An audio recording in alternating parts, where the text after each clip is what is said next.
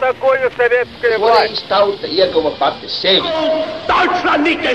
Liktenīgas nejaušības un slēptas likumsakarības, subjektīvas patiesības un objektīvi aizspriedumi. Pēc atkušņa nekad nenāk uzreiz pavasars, bet sākās Arī šodien cilvēki ir ļoti tūredzīgi. Viņi redz to naudu, kas ir. Televīzijā jau pamatā notiek cīņa par varu. Pagātne no šodienas skatu punkta un šodienas caur pagātnes prizmu. Raidījumā šīs dienas acīm. Katru svētdienu Latvijas radio eterā Eduards Liniņš. Labdien, cienījamie klausītāji! 1937. gada beigas un 1938. gada sākums, tātad laiks pirms 80 gadiem, ir periods, kas saistīts ar vienu no traģiskākajām lapusēm latviešu tautas vēsturē, proti ar staļiniskā režīma represijām pret latviešiem Padomju Savienībā ar šo represiju sākumu. Mans sarunbiedrs šodien studijā - vēsturnieks Jānis Rieksniņš. Labdien! Labdien! Runājot par staļiniskajām represijām, droši vien jāsāk ar šī režīma raksturojumu kopumā. Tā gluži nav, ka šodien šis briesmīgais laiks būtu nezināms. Man pašam savā laikā izdevās sagatavot lielu dokumentu krājumu, kurš saucās Represijas pret latviešiem Padomju Savienībā. Es sagatavoju arī tādu monogrāfiju, kura saucās Iekšlietu tautas komisariāta Latviešu operācija. Un es gribētu sākumā pateikt, ka ļoti lielu darbu šā lielā terora un bolševiku noziegumu atmaskošanā dara Maskavas biedrība Memoriāls. Tā ir faktiski vienīgā organizācija Krievijā, šodien, kura šo tēmu uztur, ja varētu tā teikt, dzīvu, pret viņu vēršas oficiālās iestādes. Ar dažādiem tādiem aizliegumiem un represijām, bet viņi savu darbu dara. Tā kā īsti nevarētu teikt, ka tā ir kāda balta lapa. Cita lieta, ko es gribētu uzsvērt, ka mēs paši Latvijā šim noziegumam pievēršam nepamatoti maz uzmanību. Pagājušā gada 5.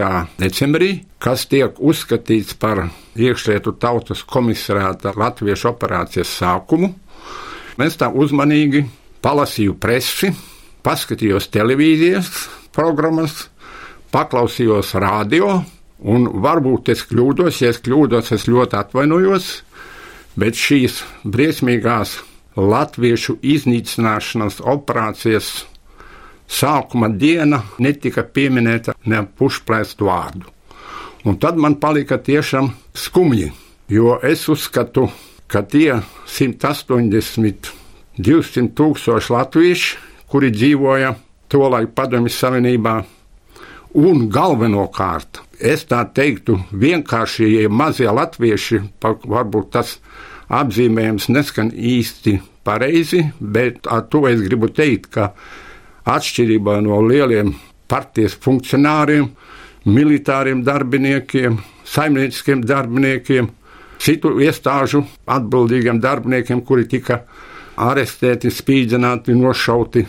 Bija arī šie vienkāršie latvieši, kā es teiktu, mazie latvieši. Un lūk, tieši viņi tika iznīcināti tikai pēc vienas pazīmes, un tā pazīme bija tautība, un tā pazīme bija latvietis. Tieši tajā pagājušā gada 5. decembrī es skatījos materiālus par Baškīrijā iznīcinātiem latviešiem. 1938. gada 29. janvārī Baškīrijā nāves sodu tā saucamais divnieks. Centrālais divnieks bija Ježovs un Višinskis, un arī apgabalos un novados bija tie mazie divnieki, kas sūtīja dokumentus uz Maskavu. Tātad 29. janvārī piespriezt nāves sodu 157 Baškīrijā dzīvojušiem latviešiem, 16. februārī 26, 13. aprīlī 8, 3. maijā 25 un 8. oktobrī 13. Tie bija vienkāršie latvieši, kas dzīvoja jau kopš 19. gadsimta Baškīrijā. Daudzi tur bija dzimuši, bet viņiem tautu bija, bija latvieši, un viņus tad lūk arī iznīcināja. Un vēl viena lieta, es gribētu uzsvērt, par cik ir šogad lielā terorā 80. gadsimta, ka 1938. gada 30. janvārī Visainības komunistiskās bolševiku partijas centrālās komitejas politbirojas pieņēma lēmumu par represiju turpināšanu pēc nacionālās piederības pazīmēm, kurā noteica, ka iekšlietu tautas komisionātam ir jāturpina latviešu, igauņu, poļu, somu, grieķu un citu mazākumu tautību iznīcināšana, un šis lēmums Viņiem šīs zvērības atļāva darīt līdz 1938. gada 15. aprīlim, bet arī šajā 15. aprīlī šīs mazākuma tautības, kuras tika uzskatītas par piektās kolonas pārstāvjiem, visas netika iznīcinātas, un šis terors turpinājās līdz 1938. gada 16. novembrim. Ja runā par šīm bolševiku varas darbiem un noziegumiem, tad, protams, ar atsevišķām frāzēm, atsevišķām piezīmēm to būtību nevar izteikt. Un es gribētu atgādināt, ka pagājušo gadu Latvijas Universitātes akadēmiskais apgāds izdeva manu sen iecerēto un sagatavoto grāmatiņu par bolševiku teroru bāriņiem. Un lūk, šajā mazā grāmatiņā es centos parādīt ka šī necilvēcība pret māti, pret bērniem, pret citādi domājušiem, pret mazākumu tautību pārstāvjiem sākās jau Krievijas pilsoņu kara laikā. Ja mēs runājam par Krievijas pilsoņu karu, kurā zvērības bija abās pusēs, kā sarkanie tā Baltie, slepkavoja, tad lūk šī vardarbības sērga tas vardarbības gēns, ja tā var teikt, bija iestrādāts jau tajā brīdī, un viss tālākais varētu būt šīs konsekvences attīstība. Es gribētu jums piekrist tādā ziņā, ka savā laikā man nācās arī papētīt pilsoņu kara notikumus. Es esmu ticies ar ļoti daudziem bijušajiem latviešu strēlniekiem, kādreiz dzīviem. Es esmu izstudējis diezgan pamatīgi Balto kustības vadoņu Deņīkina, Vrangeļa, Kolčaka un pārējo programmatiskus dokumentus. No tiem ir nepārprotami redzams, ka viņu plānos nebija nekāda nomaļu patstāvība, nekādas suverēnas valstis. Viņu lozungs bija atjaunot lielo vienoto nedalāmo Krieviju. To es gribētu īpaši pasvītrot. Vēl ko es gribēju teikt, un te es jums arī pilnībā piekrītu ka pilsoņu karš ir kaut kas briesmīgs. Un tas, kas notika Ukrajinā, Krievijā, Sibīrijā, tas, godīgi sakot, prātam nav aptverams. Es saprotu, ka gan no vienas puses, gan no otras puses tie zaudēti bija jau kopš varbūt 1914. gada, jau atradušies ierakumos un kļuvuši pret cilvēku iznīcināšanu droši vien kā vienaldzīgi. Viņiem tur cilvēku nošaut, noslepkavot pakārtā nebija nekāda īpaša problēma.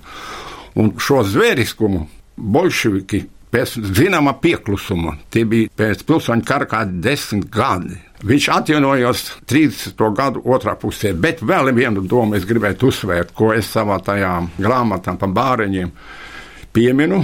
Tas ir 1920. gadā Tamovas apgabalā sākās ļoti plaša zemnieku sacelšanās. Viņi protestēja pret pārtikas atņemšanu, un politisku apspiešanu, un sociālo apspiešanu. Tā, tālāk. ļoti plaši.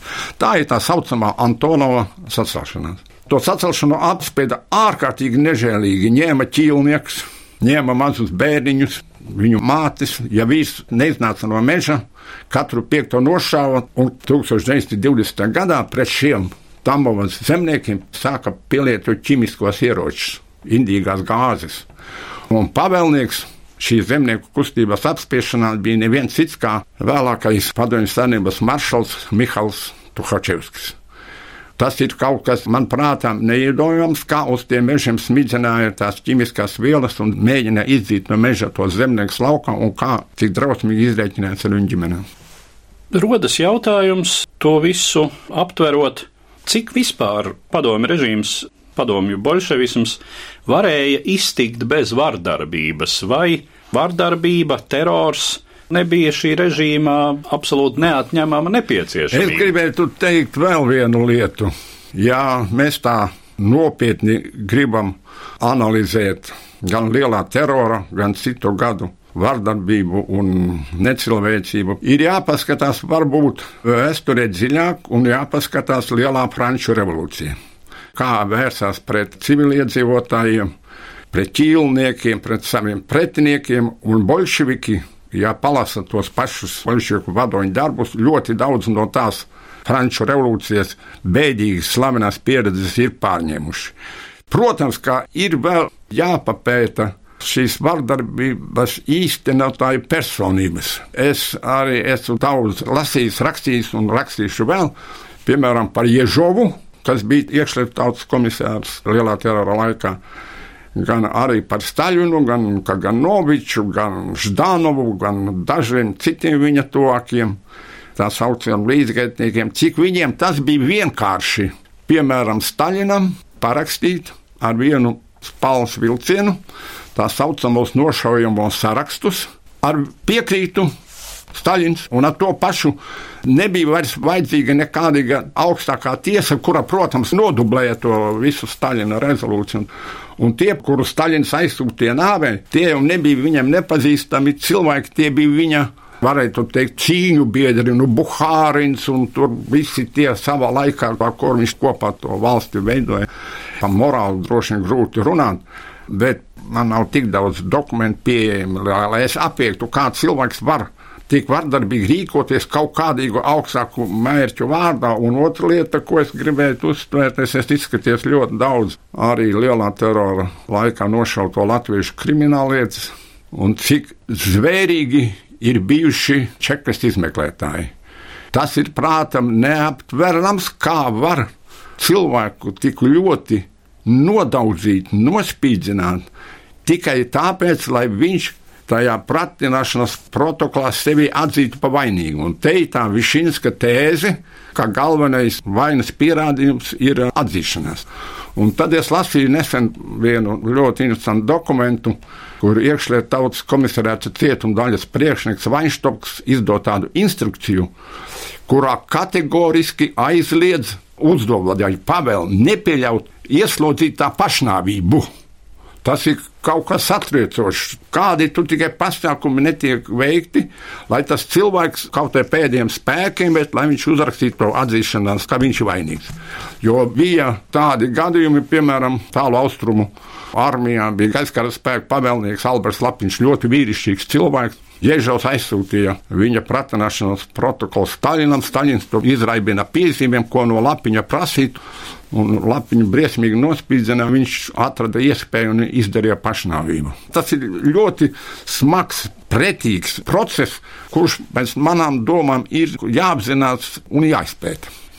Es domāju, ka ir diezgan grūti runāt jau šādā situācijā par augstākiem mērķiem. Manuprāt, te ir runa par varas cīņu, par uh, vēlēšanos šo varu noturēt, kas saistās visdrīzāk ar izpratni, ka šīs varas zaudēšana var eh, tās varas nesējiem izrādīties arī liktenīga.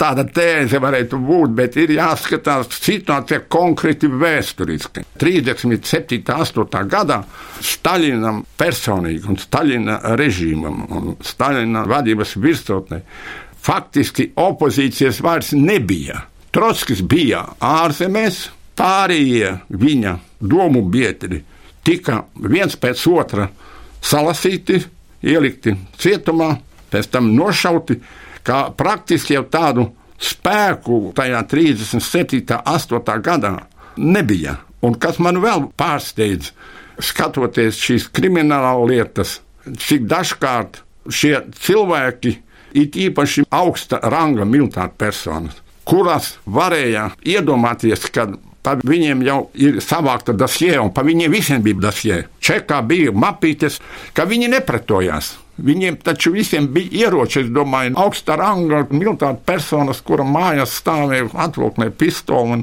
vai viņš varēja pats nošauties, vai viņš varēja izrādīt pretestību. Nebija tā pakļaušanās šai milzīgai vardarbības eskalācijai. Tā cilvēks varbūt kaut kur pat paralizē. Un viņi varbūt domā, es esmu runājis ar vienu. Viņi domā, varbūt, ka mani tas neķers, varbūt, man tas paies garam. Bet domāt, ka būtu 37. un 8. gadā Staļinam kāda opozīcija, kuras dēļ viņš varētu varu zaudēt, nu, man arī tāda nav. No. Bet runājot par vēršanos pret eh, padomju savienībā dzīvojošajiem pēc etniskā principa, tātad iznīcināšana vadoties pēc tautības, pēc nacionālās piedarības. Vai Staļinam un viņa droši vien tuvākiem līdzgaitniekiem varēja būt kādas reālas aizdomas par to, ka potenciāli tiešām šajā vidē ir proporcionāli liela nelojalitāte režīmam. Nebija absolūti nekāda reāla pamata. Ne poļu operācijai, ne vāciešu operācijai, ne somu operācijai, ne latviešu operācijai. Staļins 37. gada februāra marta plēnā paziņoja, ka Padomju Savienība atrodas ienaidnieka ielenkumā. No visām pusēm viņiem mācās visur, un šīs mazākuma tautības tika represētas galvenokārt tam dēļ, ka viņām ārpus Padomju Savienības atradās savas suverēnās valstis. Latvija, Igaunija, Somija un tā tālāk. Un tad tika uzskatīts, ka kara gadījumā, un it īpaši un rietumu pusē, kad viņi pārbēgs vai piesaliesies tiem pretiniekiem, kas bruks padomju savienībai virsū, arī austrumos tur bija korejieši, citnīs, ne ķīniešus un tā tālāk. Tur bija tā tēze, ka tas latvietis ir potenciāls varas ienaidnieks kara gadījumā. Uz to brīdi, kad viņi arestēja, viņam nebija nekādu kompromitējušu materiālu, un, un to jau pierāda memoriālā. Tur daudz par tām lietām tika savā laikā runāts. Mēs tā Latvijā par šīm lietām neesam runājuši un rakstījuši par rehabilitāciju. Tātad 20 gadus pēc lielā terora sākās pamazām Hruščova laikā tā saucamā tautas ienaidnieka rehabilitācija.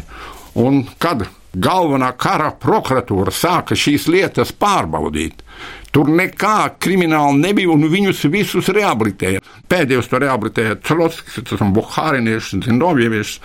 Bet šiem maziem cilvēkiem nebija nekā. Viņš vienkārši dzīvoja savā Baškīrijā, savā latviešu kolonijā, tur nodarbojas ar zirkopību.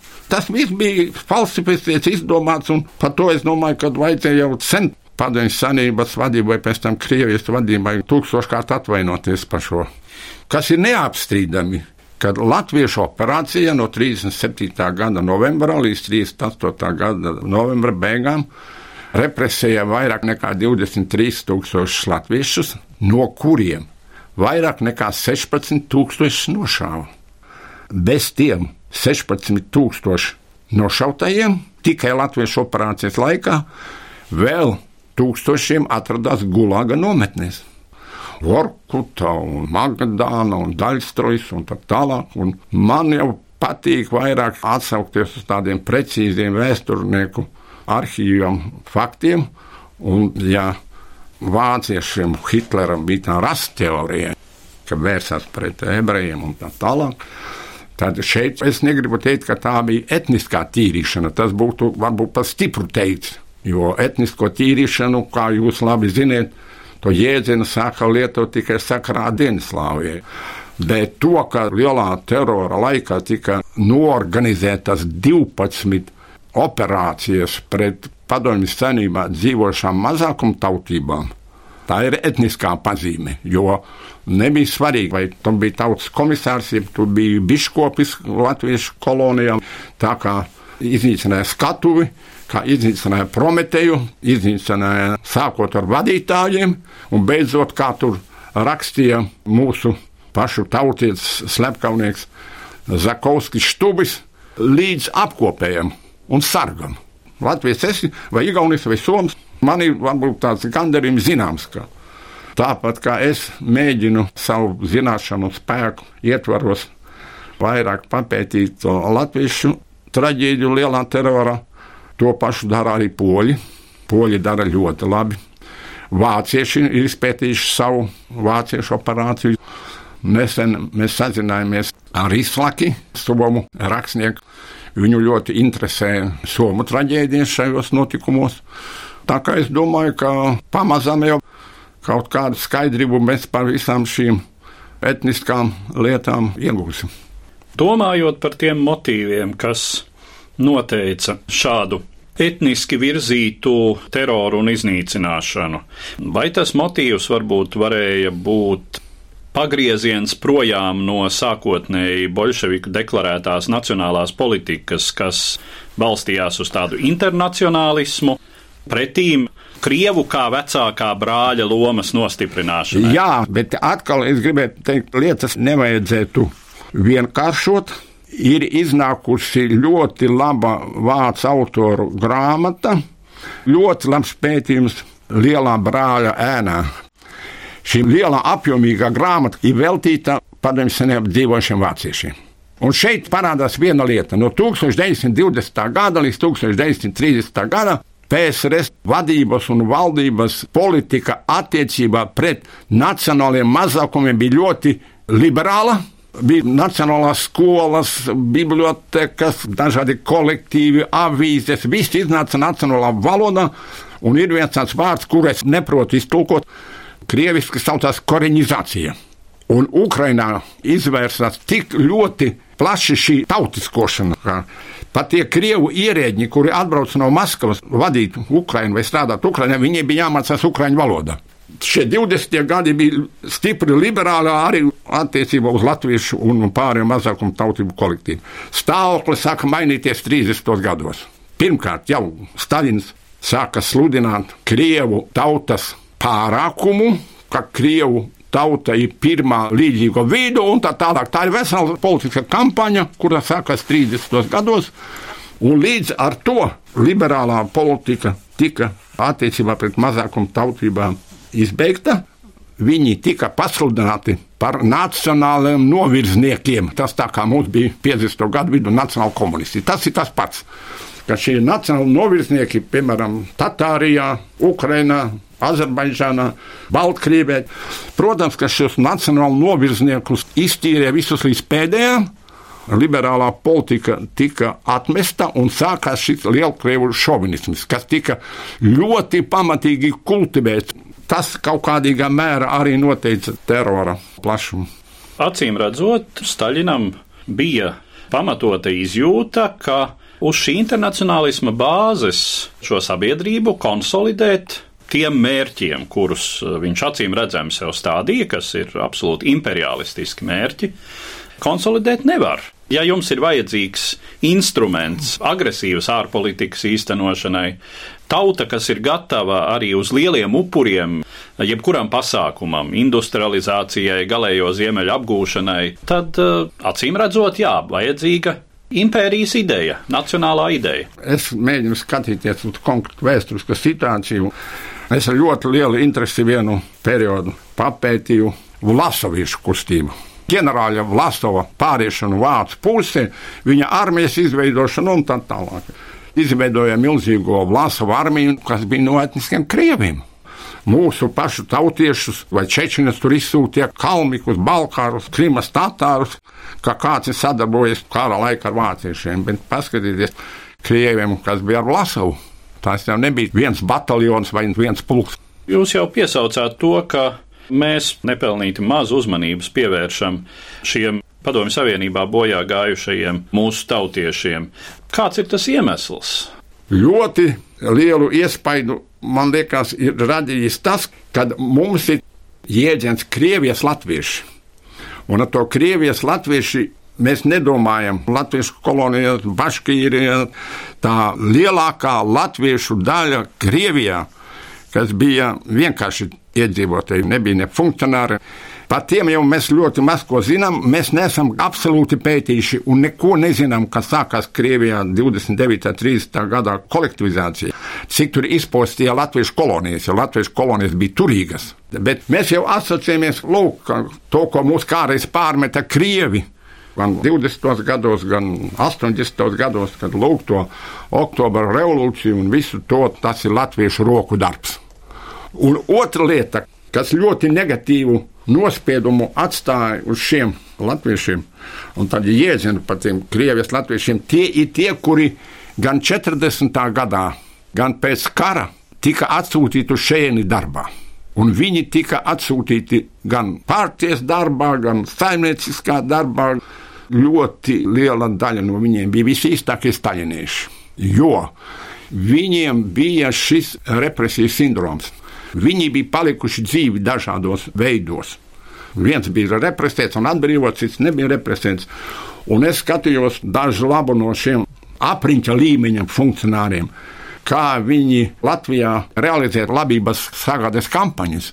Un pasaka zemniekam, ja tu neizvedīsi tur desmit maisus graudu, vai nu cik tas nosacīts, saku, tad tev Sibīrijā droši mēs ar tevi izrēķināsimies tāpat kā Ukrainā vai kaut kur.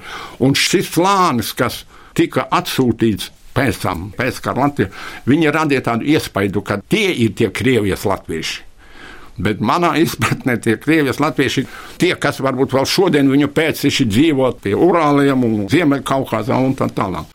Arī Hruščova laikā viņiem bija lielāka uzticēšanās.